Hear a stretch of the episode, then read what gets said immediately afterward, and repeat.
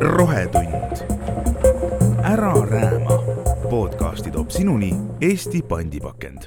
täna räägime ilmast ja minu vestluskaaslaseks on geofüüsika doktor, Tartu Ülikooli meteoroloogia ja klimatoloogia kaasprofessor, atmosfäärifüüsik Piia Post, tere Piia! vaatan Tere. Piiale, vaatan Piiale küll silma, aga seda arvutiekraani vahendusel ja sellel on ka lihtne põhjus, sellepärast et mina asun Haapsalus ja Piia on äh, siit vaadates peaaegu kõige kaugemas Eesti punktis, kust siit saab. olete kuskil Võrumaal, jah? jah, ma olen Võru lähedal. see kaugus teeb asja selles mõttes põnevamaks, et äh, Eesti on ju tuntud selle poolest, et meie ilmaolud erinevad äh, kardinaalselt. kui ma praegu siin natukene hetk tagasi vaatasin ilmakaarti, siis äh, pean just seda eelmist lauset tegelikult parandama, sest et äh, meie ilmaolud on mm, üsna, üsna sarnased. et äh, vähene päike pilves vahel tibutab ja sooja on nii kakskümmend kolm, kakskümmend neli kraadi. või on teil kuidagi teistmoodi? ja ei, meil on tõesti, meil ei tibuta midagi, aga meil sadas hommikul päris pika hoo ja oli ka äikest, aga meie jaoks oli see äike kauge, aga kuskil Lätis oli päris äge äike ja kui ma praegu vaatan radaripilti, siis tegelikult jälle mere kohal, see on siis Liivi lahe kohal on päris ägedad äikesed ja, ja sealt tuleb uus, uus front ja sealt tulevad äh, päris tugevad sajud ja konvektiivne ilm on sealt tulemas ja, Mm -hmm. ja ma vaatan, et Haapsalus tegelikult jah, tõepoolest radaripildi pealt ma näen, et, et tõepoolest natuke sajab.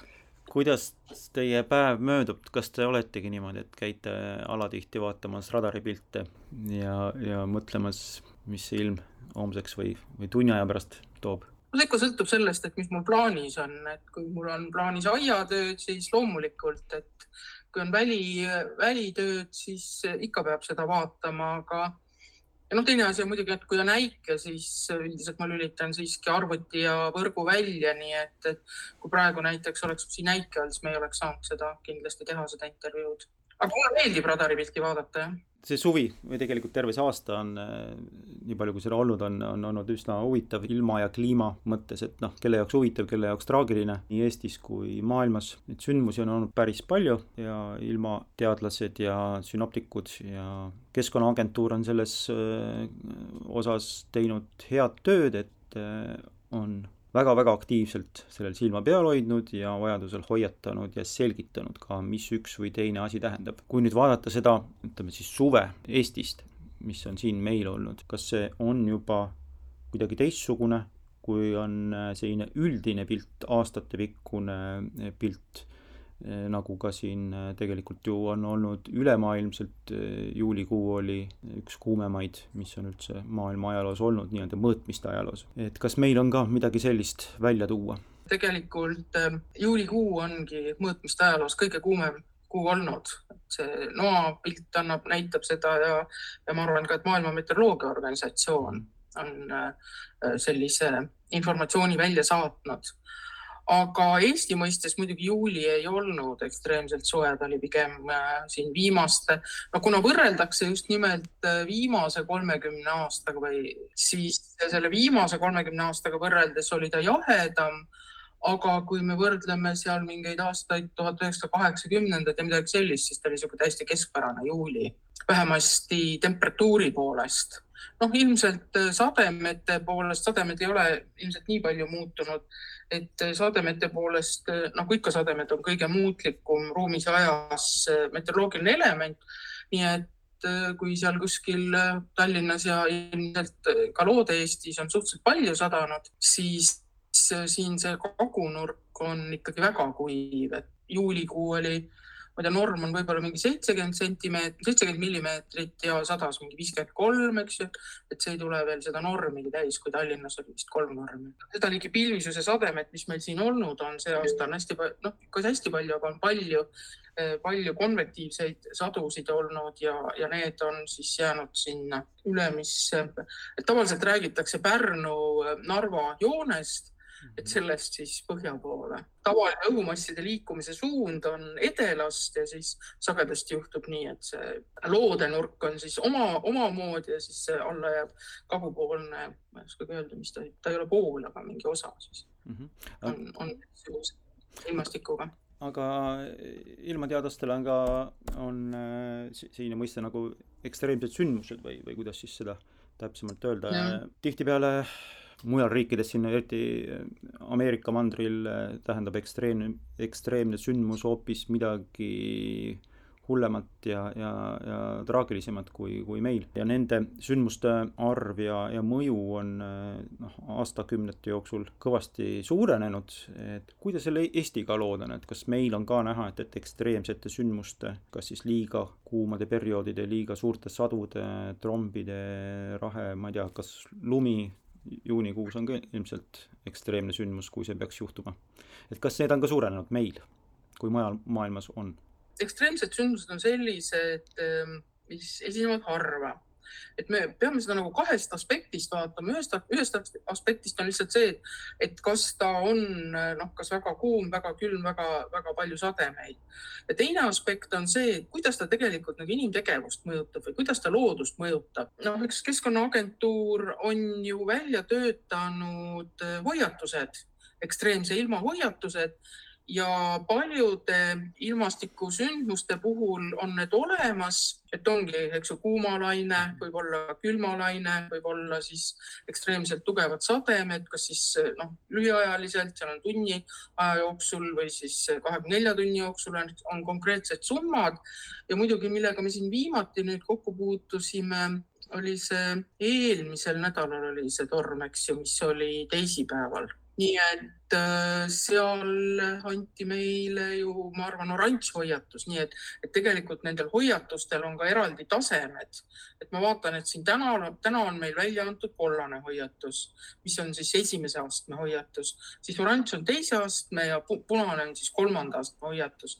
kõigi ilmastiku või ekstreemsete ilmastikunähtuste kohta tegelikult seda punast hoiatust ei olegi aga kui me räägime nüüd sellest tormist, mis meil eelmine nädal oli, ma arvan, et see oli oranži hoiatusega osades piirkondades, siis näiteks seesama äh, tsüklon, mille lohk meile siis puutus ja, ja eriti tugevaid kahjustusi tegelikult selle lohuga seotud äh, siuksed konvektiivsed ägedad pilved, rahe oli just nimelt seal, eks ju, Lätis, aga meil siis ta tuli, eks ju, Sõrve mingites, mingis vööndis välja, see oli väga-väga kitsas, väga kitsas vöönd tegelikult, kus see väga äge nähtus esines, siis seesama tsüklon tegelikult keerutas paar päeva Lõuna-Skandinaavias mm. -hmm. tema nimi on Hans või oli Hans ja, ja see tähendab seda, et Äh, nüüd äh, Lõuna-Rootsi ja just Lõuna-Norra said nii suured sademehulgad, et neid, neid ületasid, eks ju, need saja aasta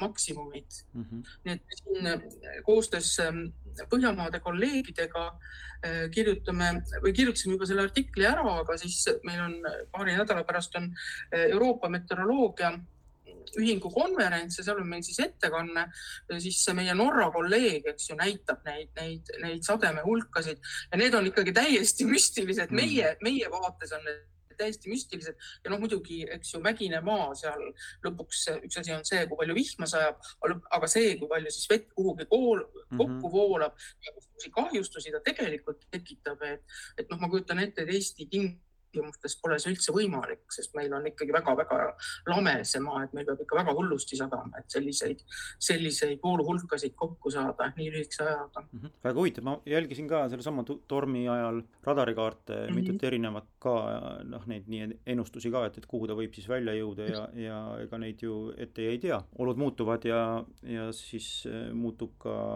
mõni hoiatus muutub nii-öelda noh, ülearuseks mm., aga inimesed seda muidugi ju mõtlevad natuke teistmoodi, kui, kui, kui kliima toimib. et see intensiivsus jah, sealt, mis sealt üle mere Saaremaa poole jõudis, et see oli päris hirmuäratav, aga kuidas see on võimalik, et siis ta, seesama torm, ma saan aru, et, et seesama jõudis siis äh, Norrasse ja kas ta siis tee peal kogus endasse nii-öelda neid sademeid juurde või niiskust ja, või või oli lihtsalt õnn, et meile see maha ei sadanud? me peame rääkima sellest, et mis asi on tsüklon. see oli tegelikult tsüklonaalne torm ja äh, tsükloni teadupärast on külmfront ja soefront või vastavalt tsüklonite teooriale on ju, tavaliselt nendel frontidel esineb sadu.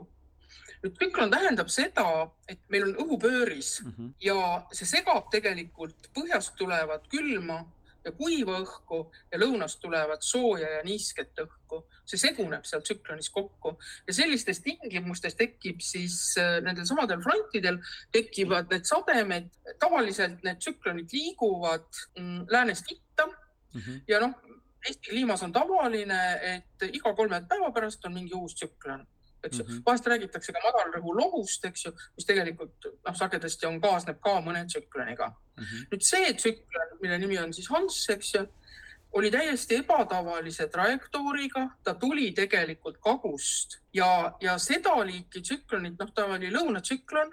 lõunatsüklon tähendab seda, et, et tema tekk tekkeala või äh, formeerumusala on meist oluliselt lõunas, see võib olla kas kuskil Musta mere lähistel, see võib olla teekonnal vahepealt, eks ju, ta võib olla Vahemere äärest tulnud. lõunas on alati õhk oluliselt soojem ja soojem õhk on niiskem, mis tähendab seda, et seda liiki noh, tsüklonitega kaasnevad või õhumassid, mis nendega kaasnevad, on enamasti oluliselt soojemad loomulikult, eks ju mm, -hmm. aga ka niiskemad ja, ja see tähendab seda, et kui selline tsüklon nüüd noh, teda blokeeritakse ära ja sel puhul nüüd see niimoodi juhtus, et see tsüklon jäi, noh, nagu ma ütlesin, et normaalne oleks, et tsüklon kogu aeg liiguks koos jugavooluga läänest itta, aga see tsüklon läks tegelikult jugavoolule vastu mm. -hmm. see tähendab seda, et jugavool ise tegelikult kannab tsüklonit, aga jugavool ise oli niivõrd välja sopistunud, et see jäi sinna, seda, seda kutsutakse inglise keeles cut off low, see tähendab siis ära lõigatud mm -hmm. madal rõhkkond ja ta jäi sinna mitmeks päevaks tiksuma, eks ju. ta tõmbab ikka seda külma õhku, sooja õhku, segab seal, onju, mhm. ja, ja see nagu põhjustas. nii et see väga tugev sajuala on meeletult suur Mm -hmm. ja vot see tekitab väga-väga suure ekstreemse äh, situatsiooni siis, eks ju, kus anti äh, väga tugevad äh,, nagu ma ütlesin, et see oli punane pluss hoiatus anti. Äh, et noh, neil ei olnud nii tugevat hoiatuse taset üldse, mida anda mm. -hmm ja teine asi on see, et tõepoolest äh, see Norra kolleeg saatis selle kaardid, et mis siis need sademe akumulatsioonid seal on, et tavaliselt, kui on niisugune hästi äge vihmavoo valing, siis see on, noh, ma ei tea, üks ühe kilomeetri raadiuses juba oleks väga suur ala, eks ju mm -hmm., et see võib olla palju väiksema äh, läbimõõduga see ala, kus, kus niimoodi väga ägedalt ja, ja hullusti sajab või noh, üldse need sellised konvektsiooniga seotud nähtused, kõik need raed on ju, et see meie rahe oli ka nagu siuksed äikesed, seekord läksid nagu ühte jutti pidi lihtsalt. et see, mm, mis ta, mis on siis äikese joon või vöönd oli mitte risti ei liikunud nagu täna näiteks liikus, et vöönd ise liikus oma suunaga risti, aga ta liikus nagu piki seda, seda vööndit ennast on ju, ja siis ta kes-, kestab nagu kaua, aga noh, muidugi kui selline tsüklon jääb ühe koha peale pöörlema, siis ehm, see on väga-väga ohtlik. nii et see oli isegi noh, ütleme nii, et see oli tegelikult väga hästi ette ennustatud. Ma arvan, et üks nädal aega varem oli mm, selle EUMETSAT, mis on siis Euroopa satelliit, meteoroloogiliste satelliikide kasutamise ühing, nad teevad iga kuu teevad ühe sellise briifingu, ilma briifingu ja seda viisid seekord läbi soomlased ja soomlased juba andsid nagu väga tugeva hoiatuse nädal ette, ütlesid, et, et siin kõigis mudelites näitab väga suure energiaga õhumassi mm, -hmm. mis jõuab kaugele põhja. nüüd fakt on see, et, et, et Soome ta tegelikult nagu väga ohtlikuna ei jõudnud, ka meil õnneks tegelikult mingis väga-väga kitsas vööndis ainult, aga eks ju, et ta jäi sinna, ta tõepoolest tuli, eks ju, idast ja ta jäi sinna nüüd Skandinaavia lõunaosa koha peale niimoodi tiksuma, ütleks mina selle kohta mm, -hmm. kuni ta siis lõpuks kuidagi ära lahenes. jah, ja ka visuaalselt ja, ja ka väga lühiajaliselt küll oli see vapustav vaatepilt, et sõitis siit, ükskõik kuidas te seda pilvega siin nimetavad, ilma kliimateadlaselt, eh, riiulpilv või, või mõni, mõni muu nimetus tal, et see, kuidas ta hakkas tulema ja kuidas ta jõudis linna kohale ja, ja kuidas ma lastega jõudsin noh, kümme sekundit enne, kui see suur äh, latakas kohale jõudis, jõudsin tuppa ja siis me läbi akna seda vaatasime, tõmbasime kõik juhtmed välja. et mm. noorem laps oli ikka täitsa hirmul, et, et nii suurt äh, ehmatust ma ei mäletagi, et tema oleks, tema silmad oleks näinud. selles mõttes oli see hoiatus vajalik ja, ja ma arvan, et, et see oli ju kõik hea, et sai see ilmateenistuselt ja, ja Keskkonnaagentuurilt need asjad tehtud kui te äh, selliseid torme nüüd silmas pea, me kõik peame silmas neid ja, ja et äh, kas neid on ikkagi ennustatavalt tulemas meile rohkem, nii nagu äh, ennustatakse noh, näiteks Ameerika mandrile El Niñost tulevaid mõjusid, et ehk siis tuleb äärmiselt ekstreemne, väga kuum aasta järgmine aasta. kas meil võib ka minna see asi järgmisel aastal hullemaks? ega meil ei ole selliste väga, nagu ma rääkisin eelnevalt, et need nähtused, sellised väga ekstreemsed nähtused on enamasti väga väikese ruumi mastaabiga on väga väikeses ruumi osas, mis tähendab seda, et nende kohta on väga raske saada head statistikat. et tänapäeval, kui sotsiaalmeedia kaudu saaks seda koguda mm, -hmm. siis ilmselgelt võrreldes varasema ajaga me kajastame neid nähtuseid üle mul on ka siin kolleegid, eks ju, kes näiteks on mingeid vanu ajalehti lugenud ja vaadanud, et kui palju neist kuskil seal, ma ei tea, eelmise sajandi alguses on kirjutatud või isegi üle-eelmise sajandi lõpus, eks ju. ja siis noh, sagedasti võib olla ka sedasi, noh muidugi ütleme niimoodi, et siis elas tol ajal kindlasti enam inimesed elasid maa peal laiali, eks ju et nad ei mhm. olnud koondunud ainult linnadesse, mis tegelikult tähendab seda, et, et ilmselt ka neid nähtusi selles mõttes nagu rohkem nagu nähti päriselt mm. -hmm. et tänapäeval, kus äh, enamik Eesti elanikkonnast elab noh, Põhja-Eestis ja seal selles Tallinna linnastus, siis teatud osa Eestist on ju absoluutselt jälgimata. et üks võimalus ongi seda niimoodi radari pealt tuvastada. nii et meil siin näiteks järgmine nädal on üks doktoritöö kaitsmine, Tanel Voormantsik kaitseb doktoritööd radarandmetest selliste nähtuste tuvat, tuvastamise kohta mm. -hmm. radarist paraku, radari aegrida ei ole nii pikk, et me saaksime öelda, et kas neid on palju juurde tulnud või mitte tulnud. me saame ainult öelda, et nende noh, et aastast aastasse see muutlikkus on hästi erinev. ilmselt nagu see aasta on ikkagi hoopis teistsugune, kui oli eelmine või siin mõned teised. aga noh, muidugi neid äikesi on registreeritud juba noh, see on elektriliselt saab, elektri välja saab registreerida ja seda on registreeritud ikkagi noh, see objektiivne andmestik on ikka kui üks paarkümmend aastat nüüd vana, et nagu selle pealt saab vaadata, aga äikestega on jälle see viga, et tegelikult registreeritakse välkusid. võib olla nii, üks nii äge torm, et, et tegelikult nagu ma ei tea, kogu aasta välgud on sisuliselt mm. seal mm, -hmm. et, et noh, nagu sisuliselt sellises logaritmilises skaalas peab neid vaatama, et, et kui sa hakkad nüüd jälle erinevaid aastaid võrdlema omavahel, siis tegelikult eh, võib-olla neid äikesi päevi pole üldse rohkem olnud, aga on, on, on olnud üks hästi niisuguste suure äikese arvu, välkude arvudega eh, äike, nii et, et tegelikult mina ei saa küll öelda, et neid nende andmestike põhjal, mis meil olemas on, et neid oluliselt juurde oleks tulnud, mina ikkagi tõstaks esile seda aastast, aastatevahelist suurt, väga suurt muutlikkust.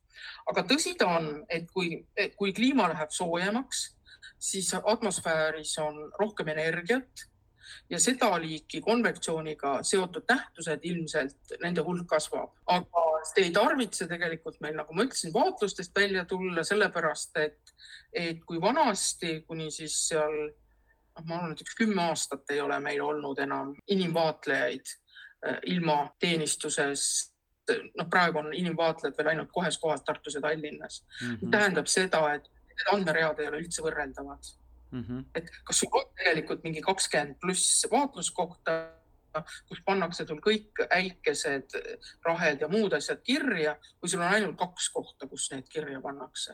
nii et see, see kaetus on väga-väga suur, erinev. aga noh, tänapäeval tõepoolest välismeteoteenistused kasutavad seda niisugust sotsiaalmeedial baseeruvaid asju noh, meil ka muidugi äh, Kaur on teinud ju selle ilmaäpi, selles ma olen täitsa veendunud, et, et seal ei ole vaatlusi piisavalt, et mingit statistikat teha mm. -hmm. seal tuleb ikkagi äh, noh, ma arvan, et sajad vaatlused võib-olla aastas, aga, aga see, see, sellise nähtuse jaoks, sellise seda liiki väga väikese ulatusega nähtuste jaoks ei ole see piisav Haapsalus ehitatakse praegu seda merevee ja sadamavee süsteeme, et äh, meil siin see rannikualal äh, üleujutuste mõju vähendada ja niisiis seda, mis tuleb mere poolt, kui ka seda, mis tuleb taevast ja et see taevast tulev siis äh, ei jääks kuskile pidama ja, ja hajuks maapinda ja erinevatesse paikadesse ära. aga noh, neid suure riskiga piirkondi on Eestis veel. kuidas teile kõrvaltvaates tundub, et kas Eesti inimesed nagu tajuvad adekvaatselt nendest keskkonnamuutustest tingitud ohtude sagenemist, ka üleujutuste äh, sagenevat ohtu, et, et on see meie jaoks teema või me oleme natukene alahindame seda? Need üleujutused on mitut liiki, eks ju, ühed üleujutused on need, mis on seotud suurte sademehulkadega. tõepoolest, Keskkonnaagentuur on ju kaardistanud, et missugustes linnades see nagu võimalik on ja me teame ka minevikust, et kus see nagu juhtunud on, näiteks Võru on ka üks selline linn, kus tegelikult ka sademetest on olnud üleujutused. mida rohkem meil on kõva kattega tänavaid ja teid linnades, seda mhm. rohkem tegelikult, seda kiiremini voolab äh, sellise väga tugeva vihmasaju korral vesi kokku. ja see tähendab seda, et ähm, miski peaks seal nagu selles linnas kompenseerima neid alasid ehk siis siin on puhtalt planeeringute küsimus, see ei olegi nagu otseselt üksikisiku enda küsimus mm, -hmm. vaid just nimelt linnaplaneerijate küsimus, sest me tegelikult kõik tahame kõndida, noh, kui me kõnnime, eks ju, tahame kõndida pigem kõvakattega täna, tänaval, eks ju, me ei saaks poriseks ja nii edasi. teiselt poolt jälle seda liiki pinnad eh, ei ole väga eh, kliimasõbralikud mm. -hmm. et seal on ka see teine aspekt, üks asi on see vee kokkuvoolamine, aga teine aspekt on muidugi need kuumalained ja soojasaared mm, -hmm. mis ka nende just kõvakattega pindadega või siis noh, suurte mm, kaubanduskeskustega eh, seotud avatud, eks ju, suured horisontaalsed tumedad, sagedasti pealt tumedad hooned, eks ju, katused kindlasti tumedad, eks ju, et, et, et noh, see on sagedasti ikkagi väga ebameeldiv kuskil sellise kaubanduskeskuse lõunaseina ääres seista või lääne seina ääres seista, kui väljas on kolmkümmend kraadi sooja, et ei taha, ei taha. linnade planeerimine on selles mõttes jah, meil hästi betoonikeskne ja asfaldikeskne, et kivikeskne seoses sellega ma lugesin ühte teie kolleegi Velle Tolli eh, kirjutatud artiklit. Velle kirjutas nii, aga riik võiks aktiiv, olla aktiivsem vastavate uuringute tellimisel ja süsteemi kujundamisel, et teadmised jõuaksid ka igapäevastesse planeeringutesse ja otsustesse. Eestis on juba kuumalained ja paduvihmad inimtekkelise soojenemise tagajärjel tugevnenud ja see trend jätkub. samuti mõjutab meid merevee taseme tõus. Eestis on vaja valmis olla nii meil kui ka kaugemal aset leidva kliimamuutuse mõjudeks. kas äh, on teie kõrvu jõudnud, kui palju ja kas üldse on äh, riik, noh, nii-öelda riik, noh, valitsus või, või ministeeriumid tellinud uuringuid, et mida saaks siis ka kasutada nendes planeeringutes ja, ja otsustes, kas siis on need otsused siis kohalike omavalitsuste otsused või mõned siis riiklikud otsused just planeerimisel, et, et need mõjud oleksid väiksemad? see on nüüd ähm, kliimamuutuste puhul, kliimamuutustele peaks nagu kahte moodi reageerima. üks asi on siis kliimamuutuste leevendamine, mis on kõik see CO2 majanduse see värk, millest hästi palju räägitakse. ja teine on siis kliimamuutustega kohanemine, millest hästi vähe räägitakse. Mhm. ja esimene põhjus on enamasti see, et aga noh, meil siin Eestis ei juhtu midagi ja kui juhtub, siis, siis tegelikult läheb võib-olla paremaks. et eh, jah, see tsitaat sealt Velle artiklist, ma ise olen seda ka paljudes intervjuudes vastanud samamoodi, et Eestis tegelikult puudub kliimamuutustega kohanemise eh, õige strateegia. tõepoolest, eriti selle leevendamise osas on meil olemas rahvusvahelised lepped, millest me oleme väga varmad kinni pidama ja see kõik on mhm. väga õige, seda tuleb teha aga kliimamuutustega kohanemise osas on niimoodi, et seda tuleb teha siin kohapeal ja seda me peame ise tegema oma tarkusest lähtudes.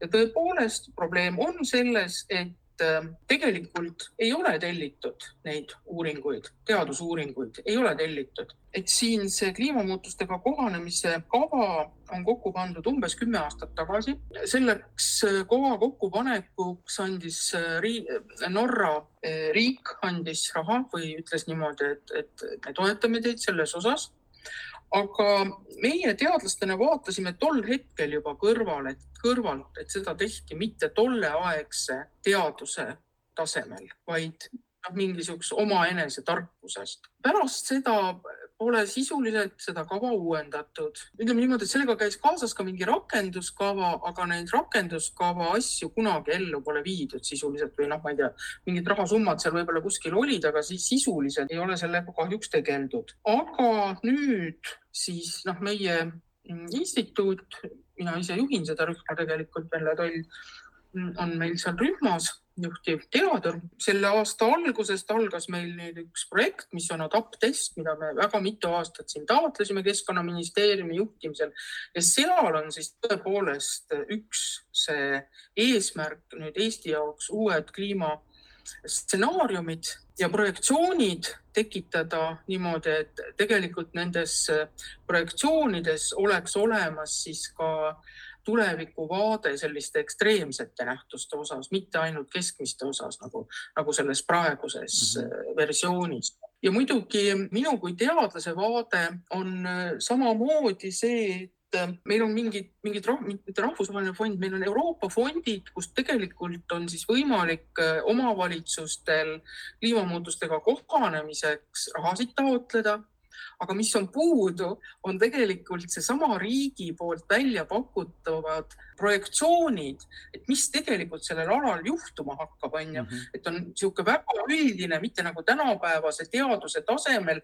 mitte otseselt noh, kvantitatiivsete andmetena, kaartidena, ma kaarti pean silmas, eks ju, digitaalse kaardina vaid lihtsalt on noh, et läheb soojemaks, eks ju, läheb märjemaks, noh, umbes sellised vaated või siis Eesti kohta kolm kasti joonistatud või midagi sellist, eks tegelikult sellise informatsiooni põhjal ei ole kohalikul omavalitsusel võimalik millegagi väga kohaneda. siin Põhjamaad, eks ma enne rääkisin siin näiteks Norrast, eh, kus noh, samamoodi see riik, eks ju, kes meid tegelikult toetas nende samade projektsioonide, varasemate projektsioonide koostamisel seal on ammu juba seda liiki teenused riigi poolt pakutavad või Saksamaal eh, on mul mitmed eh, kaaskolleegid, kes töötavad sellises kliimateenuste keskuses ja, ja need teenuskeskused on juba loodud noh, kümmekond aastat kindlasti tagasi. et see Eestis on muidugi probleem ja ma arvan, et probleem on just nimelt selles, et kuna otseselt ei ole nagu noh, see on nagu meie enda asi, et, et meie elanikud saaksid paremini elada, et see ei ole otseselt selline välislepingutega, riikidevaheliste lepingutega kaetud, siis noh, öeldaksegi, et aga meil ei ole selleks raha praegu mm. -hmm. aga nüüd noh, ma ütlesin, et üks väike positiivne eh, see element on siiski, et kaks tuhat kakskümmend kuus peaks meil siis olema valmis mm -hmm. need projektid tänapäevasel tasemel, aga noh, see võtab aega, eks, see on neli aastat kas nendes, äh, nendes on juttu ka sellest näiteks, äh, kui palju muutub äh, muldade viljakus näiteks kuumuse tõttu, kuumalainete tõttu, põudade tõttu või, või see on ikkagi hoopis midagi muud? noh, see on juba järgmine aste. esimene aste on see, et me peame aru saama, eks ju, kuidas muutub füüsikaline keskkond, sest see on mm -hmm. esimene asi, millest me tegelikult nagu kõige paremini aru saame. et meil on globaalne kliimamudel, see koosneb, eks ju, füüsikalisest noh, füüsikavõrranditest sisuliselt, mida siis äh, vastavalt mõõtmisandmetele äh, arvutitel lastakse joosta teatud aeg, eks ju, kas selle sajandi lõpuni või pikemalt mm -hmm. ja kontrollitakse mineviku peal. kogu kliimasüsteem on meil tegelikult füüsikaliselt nagu paika pandud, aga kliimasüsteemis ei ole muidugi ainult atmosfäär, seal on ka ookean sees, seal on ka kriosfäär ehk jääsfäär sees, biosfäär on seal samamoodi sees mm -hmm. ja siis on veel, eks ju, see tahkemaa, litosfäär on seal sees. nii et, aga noh, me saame isegi aru, et need erisfäärid on väga erineva aja mastaabiga või nad muutuvad väga erinevalt äh,, erineva kiirusega, et, et atmosfääris on muutused iga, noh, ma ei tea, kümnendik sekundi tagant veel väiksema aja tagant, eks ju. et ilmselgelt kliima jaoks ei ole tarvis teada meil litosfääri muutusi kümne sekundi tagant mm. -hmm et, et noh, selles mõttes eh, nende mudeli väljundeid saame me siis kasutada. noh, mudel on globaalne, võtame sealt välja eh, noh, Põhja-Euroopa ala näiteks ja saame siis, eks ju, selle füüsikalise keskkonna, no füüsikalise keskkonda iseloomustab eks ju temperatuur, sademed, eh, õhuniiskus, kiirgus, sellised asjad et need võtame välja ja vot sealt tegelikult on nüüd järgmine, erinevatel elualadel eksperdid keda meil Eestis sisuliselt ei ole kahjuks mm., eks ju, et missugused on need mõjud, selle füüsikalise keskkonna muutuse mõjud erinevates eluvaldkondades ja siis, eks ju, see mullastiku muutus on, on noh, annab, eks ju, kas meil siis äh, mõju nüüd äh, põllumajandusse või metsandusse, need on need kaks kõige olulisemat osa, eks ju. kümme aastat tagasi noh, mingi selline ma ei ole küll kindel, et mullastiku suhtes suudeti nagu päriselt midagi paika panna, aga, aga no igatahes oli nii, et tehti need projektsioonid ja siis, siis need erinevate elualade inimesed pidid siis suutma hinnata, Eesti oma inimesed tegid seda, et hinnata, et missugused need mõjud on nende, nende konkreetses sfääris, noh näiteks transpordis või näiteks inimeste tervisele või neid on seal üks kuus-seitse asja tavaliselt, mis välja tuuakse. kui mujal maailmas on, kus on suured riigid, kus on suured metsaalad ja kui seal tuleb maastikupõleng, põleb seal ikka kiiresti tohutult suur ala puhtaks, noh kõigest puhtaks, kahjuks vahel ka inimestest, et meil on väike riik ja meil on ikkagi üsna hea päästeamet ja, ja kaetus ja, ja metsade vahel on sihid ja, ja sellega nagu arvestatud, et päästjad saaksid ühte või teise kohta kiiresti kohale.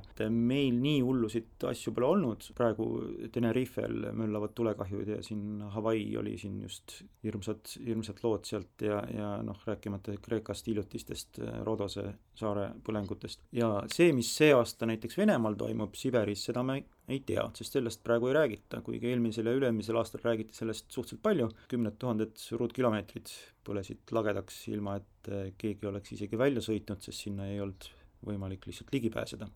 aga kui need põuad ja kuumalained sagenevad ka meie piirkonnas, et mis teie ennustate, kas mu viieaastane poeg peaks liikuma mujale elama ja mitte metsa omale kodu ehitama et milline see ennustus tei-, teie poolt võiks, võiks olla, et kas, kas meil muutub ikkagi see piirkond äh, natukene halvemaks, kui, kui, kui meil praegu on elamiseks? nojah, see halb ja hea on alati inimese mm -hmm. enda mõttes, eks ju. mis see tähendab jah, halvemaks, et kui me võtame nagu üldiselt, eks ju, me teame, läheb soojemaks aga läheb soojemaks talvel, läheb soojemaks ilmselt öösel, läheb ilmselt niiskemaks. see üks artikkel, mida ma siin enne mainisin, mis me siin põhjamaalastega koos oleme kirjutanud, et seal näiteks ka ikkagi see ekstreemsademete hulgad on ikkagi planeeritud või noh, projitseeritud suuremad ekstreemumid, väga-väga lühiajalised ekstreemumid sealhulgas, eks ju, mis on siis seal mõne tunni ekstreemumid. see märjemaks minemine ilmselt äh, ei äh, mõju metsadele nii halvasti. seesama projekt, mida ma mainisin, see Adaptest, seal tegelikult on ka olemas üks töörühm, kes tegeleb Eestile uue tuleohukaardi kokkupanekuga, mis oleks siis ikkagi palju detailsem kui see, mis praegu sealt ilmateenistuse kodulehelt võib näha, kus on -hmm. interpoleeritud umbes maakonnakeskuste äh, sademete järgi ainult mm. -hmm. et seal ikkagi see ruumiline lahutus peaks oluliselt paremaks minema, mis äh, ilmselt ei ole mitte oluline ainult, eks ju, selle tuleohukaardi puhul, vaid ka ilmselt põllumeestele meeldiks palju, palju sellised detailsemad äh, sademekaardid. suure tuleohu tarbeks on tarvis, eks esiteks, et oleks kuum, et oleks kuiv, tugev tuul ja peaks olema midagi, mis põlev materjal. kui äh, kõiki neid komponente ei ole, siis tegelikult me ei saa suurt tulekahjut. aga kui me vaatame Eesti tulekahjude statistikat, siis enamasti tulekahjud ei teki iseenesest, vaid äh, siiski nad tekivad nendel aladel, kus inimene enamasti liigub mm. -hmm. et see on väga haruldane, kui tulekahju tekib kuskil seal, kus mitte keegi pole. noh, muidugi äh, siin, kui me räägime, noh, me mõtleme ilmselgelt sel puhul ju metsatulekahjusid Eesti kontekstis siis eh, noh, Eesti metsandus ei baseeru meil enam ju eh, metsavahtidel, et meil kohapeal tegelikult mm -hmm. ei ole ehk siis, ehk siis kogu see jälgimistehnoloogia peab olema kas siis kaugseirepõhine, droonipõhine, muidugi tule kustutamise puhul näiteks tänapäeval ju minnakse droonidega kohale ja noh, see on siis drooni kaugseire. aga noh, teiseks muidugi satelliidilt on tulekahjud väga hästi jälgitavad. meie Eesti tulekahjud ilmselgelt on enamasti nii väikesed mm, -hmm. et äh, satelliidilt neid hästi näha pole. aga satelliit või ütleme niimoodi, ei olnud, on võib-olla õige öelda et praegu siin satelliittehnoloogia ikkagi areneb päris kiiresti, nii et, et sellised asjad on suhteliselt hästi jälgitavad.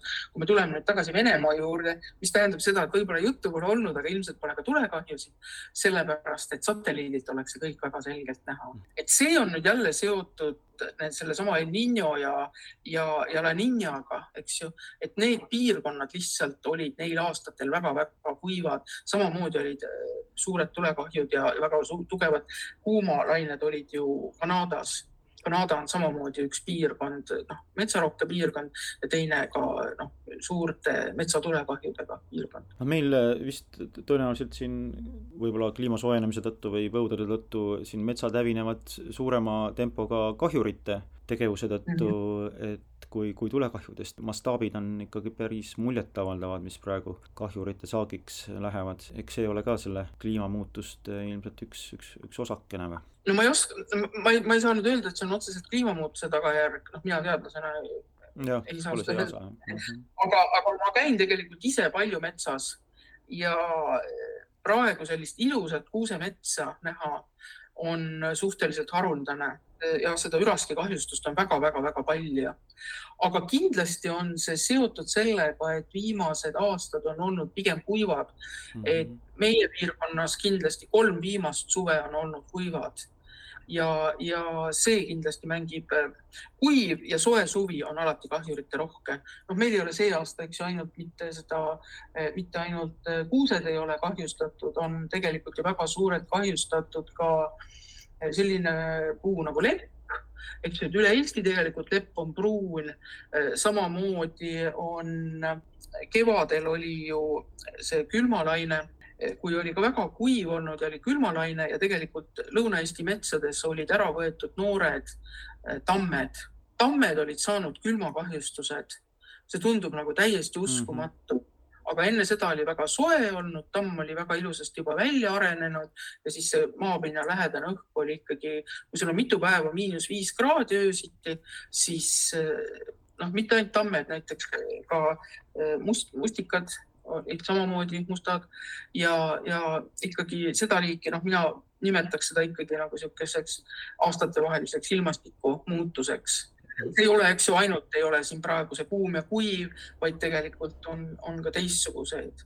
aga jah, niisugust väga nii külma ja hilist öökülma ei olnud nüüd viimase, ma arvan, ikkagi kümne aasta jooksul, kindlasti võib-olla ka kahekümne aasta jooksul olnud. no eks nagu, nagu ikka, eh, asjadel on alati mitu põhjust ja, ja koosmõju, et eks nende metsade ja. kuivuse põhjus peale selle, et, et ongi, ilmad on kuivemad ja põud on rohkem ja on ka suured riigimetsaalad on ju täis kuivenduskraave, maanteekraave, mis on eh, metsa hooldamiseks ja väljaveoks ehitatud ja seal on väga sügavad kraavid, mis kuivendavad selle metsaaluse üsna ilusti ära, mis puule ei ole just kõige parem, eriti kui saabub äh, põud, siis eks nad siis jäävad kergemini nende üraskite meelevalda, selles me oleme ka ise süüdi.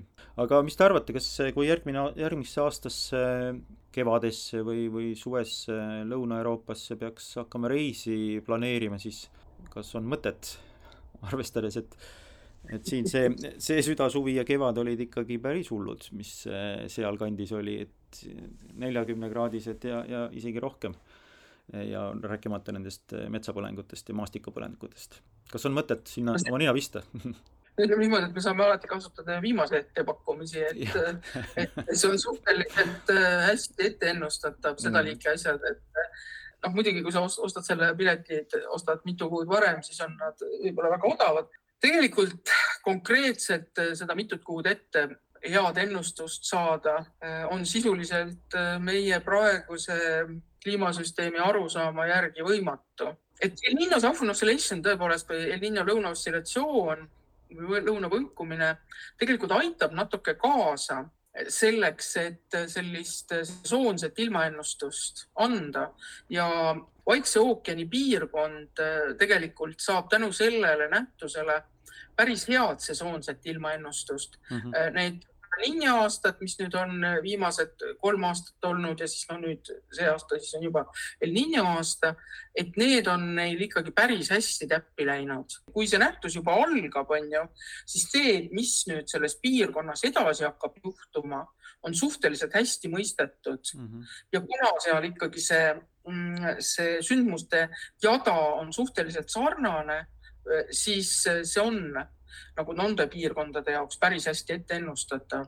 noh, meil Euroopaga muidugi on natuke raskem selles mõttes, et kui siin mõned aastad tagasi ma olin nagu täiesti veendunud, et, et Euroopasse El Niño nagu üldse ei ulatu. toredat korrelatsiooni ei ole isegi võimalik saada. praeguseks ikkagi on seda suuremastaabilist atmosfääri tsirkulatsiooni nii palju enam mõistetud, et praegu tundub ikkagi, et ta kandub selle üldise tsirkulatsiooni kaudu, eks ju, et noh, Ameerika kaudu tuleb meile nagu tagasi, et meile tuleb ta tegelikult läänest, ehkki tegelikult kõik sündmused meist on tegelikult idas onju mm -hmm.. kogu atmosfäär liigub, eks ju, läänest itta, siis vähemasti meie raiuskraadidel, eks ju, liigub läänest itta, siis kogu see ilm tegelikult tuleb meil enamasti ikkagi läänest. jah, et, et see sõltub nagu päris palju sellest, et ma pean jälle sinna jugavoolu juurde minema, et kust jugavool siseneb, kas ta tuleb põhja poolt natuke, eks ju, juba pool alati niimoodi vonkleb ja, ja kas ta tuleb nüüd põhja poolt Atlandi ookeani sisse või ookeani kohale või ta tuleb lõuna poolt natuke või ta tuleb päris sealt keskosas.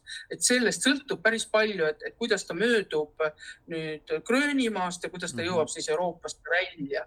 nii et, et see natuke selle juhavoolu asend tegelikult nagu sõltub sellest eh, El Niñost kas on El Niño või on La Niña või on niisugune neutraalne periood. nii et nagu selles mõttes natuke aitab kaasa, nii et võib praegusel ajal tõepoolest näha teadusartikleid, kus äh, sellega tegeldakse. Ja loomulikult on pöördutud, kui vahepeal seda sesoonset ilmaennustust nagu ei peetud üldse teaduslikuks probleemiks. Ja probleem on noh, ütleme niimoodi, et, et selles mõttes võeti seda nagu lahendatud probleemiga, et, et noh, kui ilma puhul me saame ette ennustada noh, umbes kaks nädalat, eks ju, me ennustame ette seda, kuidas õhk liigub, siis kliima puhul me tegelikult ennustame ette seda, et kui hästi süsteem ise on tasakaalus, et me ennustame seda süsteemi tasakaalu, me täpselt ei tea, kuidas kuidas õhk liigub. ilma puhul noh, pärast, pärast teist nädalat, eks ju, tekib meil noh, lihtsalt on kaos ja kogu lugu. mm -hmm. on situatsioone, et, et noh, näiteks seesama mis tõi sellise ekstreemse nähtuse nagu see torm Hans, eks ju, et, et situatsioon nagu hangub ära ja vot sel puhul on võimalik ka meie laiustel niimoodi mitu nädalat ette ennustada ilma. aga seda me ei tea, kuna see situatsioon juhtub.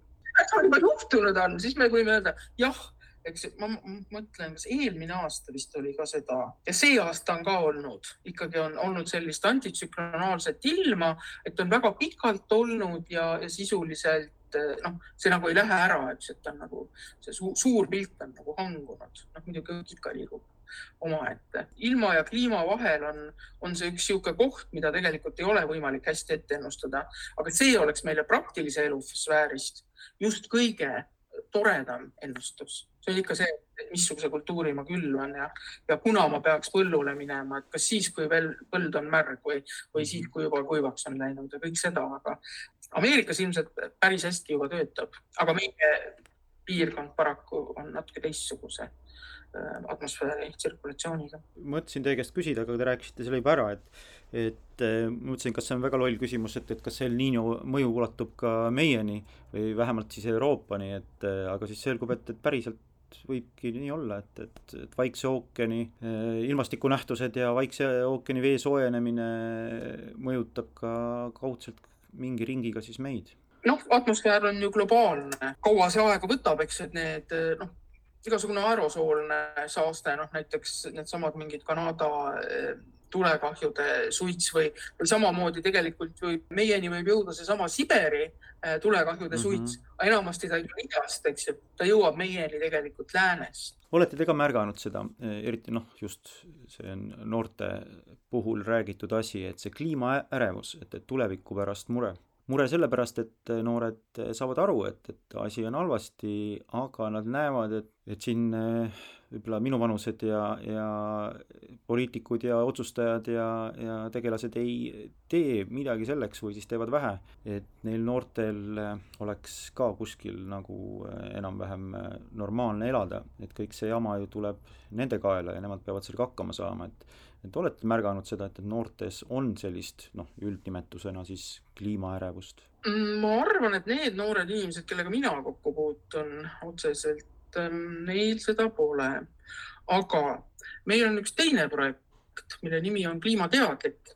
see kliimateadliku projekt on meil ka Norra rahadest ja sel puhul äh, me tegelikult peaksime välja töötama siis strateegia, kuidas Eesti koolides õpetada äh, kliimamuutustega seotud teemasid. Ja ei mõelda ainult seda, eks, et mida ma siin praegu palju rääkinud olen, et noh, kuidas õhk liigub ja miks ta liigub ja mis on füüsika ja keemia ja, ja bioloogia ja, ja geograafia, vaid tegelikult peaksid, peaks selle kliimamuutuste teemad olema kõigis ainetes sees. See tähendab seda, et me tegelikult ajaloost näeme erineva kliimaga perioode, näeme ka seda, eks ju, et kuidas kliim, noh, kuidas inimesed on, kuidas see inimesi on mõjutanud, on ju, ja kuidas siis noh, et ega siis kliima ei lähe niimoodi ühes suunas lihtsalt ära, tegelikult ikkagi looduses on meil ikkagi enamasti lained. selles mõttes ma arvan, et need kliimaprojektsiooni joonised kindlasti on eksitavad, aga teiselt poolt meil on seal projektis ka Tallinna Ülikooli teadlasi, kes on siis sotsioloogid sisuliselt ne,. Nemad näiteks te, tegelevad ka teaduslikult sellesama kliimaärevuse teemadega. meil on kokku pandud, mida me siis esitleme, ilmselt kuskil oktoobrikuus on meil kokku pandud siis üks selline teadmiste kogu, ütleks ma, mida me kutsume siis kliimamuutuste abc et äh, seal oleks siis äh, informatsioon selle kohta, mida igaüks võiks teada kliimamuutuse kohta, et, et miks, eks ju, see on, millest see tuleneb, eks ju. siis teine asi on, et, et noh, kuidas ta meid mõjutab ja kolmas on, et mida teha, et mida me peame tegema, on ju. ja äh, tegelikult on ju niimoodi, et mida siis teha, kui sul on see kliimaärevus? esimene asi on see, et, et sinu enda juba see loodusteaduslik või siis ka see ajaloo tausta või ühiskonna teadmis, teadlikkuse või, või ka näiteks noh, ma ütlen isegi, et, et, et arusaam, eks ju, kuidas tegelikult meile meedia asju kommunikeerib mm, -hmm. et nagu selle mõistmine, selliste teadmiste omamine aitab kaasa sellele, et meil seda ärevust vähem on mm. -hmm. aga teine asi ärevust maha võtab, mille kaudu seda ärevust on võimalik maha võtta, on see, et inimesed peavad koos tegutsema. et, et kui sa tunned end üksi olevana, siis äh, ongi väga raske, aga noh, näiteks äh, Ühendkuningriigis või ka teistes Euroopa riikides on ju noorte kogukonnad, kes koos nende asjadega, nende teemadega tegelevad ja tõepoolest osutuvad juba, eks ju, mõju, mõjurühmadeks. sest üksikisikuna tegelikult ei ole võimalik mõjutada noh, ma ei tea, Greta Thunberg on üksikisikuna mõjutanud, ehkki tema on ju ka kutsunud, eks ju, see Fridays for, Fridays for Future, eks ju, et selle mm -hmm. seltskonna kokku, et et, et seal tegelikult on need meetodid olemas, kuidas äh, seda ärevust nagu alla võtta. Ja, ja enamasti on see just nimelt seotud tegutsemisega ja see tegutsemine võib olla ka teadmiste omandamine. Jah, äh, aga ma olen täheldanud, et mida rohkem äh, kliima kohta uurida ja mida rohkem on see teaduslik, seda rohkem ärevust tekib, sest et tihtipeale need andmed, mis päris teaduslikust materjalist, mitte suvalisest lehe, leheartiklist või, või, või kellegi lausest või postitusest äh, välja loed, kui neid, nendesse süveneda ja, ja kui selgub, kui tõsine on üks või teine valdkond või ükski teine muutus või, või mõju, võtab päris kõhedaks. et ma üldse ei imesta, et, et inimestel tekib ärevus, on see siis kliimaärevus või on see lihtsalt ärevus, mida on meil ju ka palju. jah, aga. ma arvan ikka tugi kindlasti aitab ja, ja nagu targemate inimestega konsulteerimine ja vestlemine ja noh, mitte ma ei, no ma ei mõtle ainult, eks ju, loodusteadlasi, vaid tõepoolest äh, ka sotsiaalteadlasi, kes tegelikult valdavad seda temaatikat, see on hästi oluline.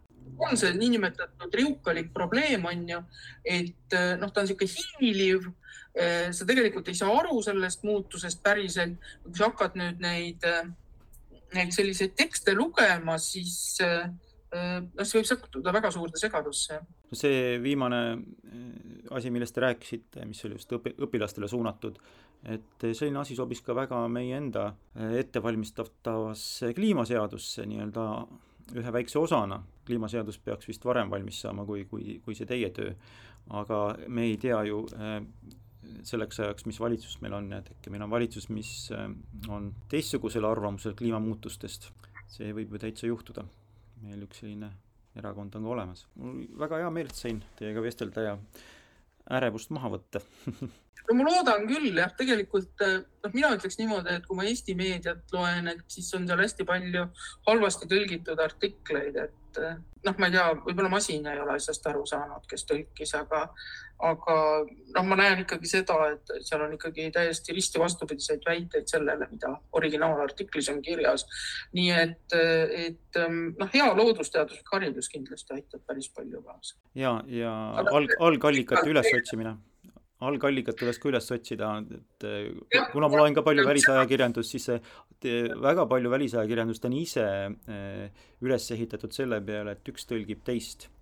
Aga tuleb jõuda sinna esimeseni, kus on alati sellele uuringule, millest räägitakse, selle link on olemas ja tavaliselt on need uuringud täiesti loetavad, lihtsasti arusaadavad ja mm. need on ka vabast äh, veebis kasutatavad, et ei pea isegi kuskile registreerima.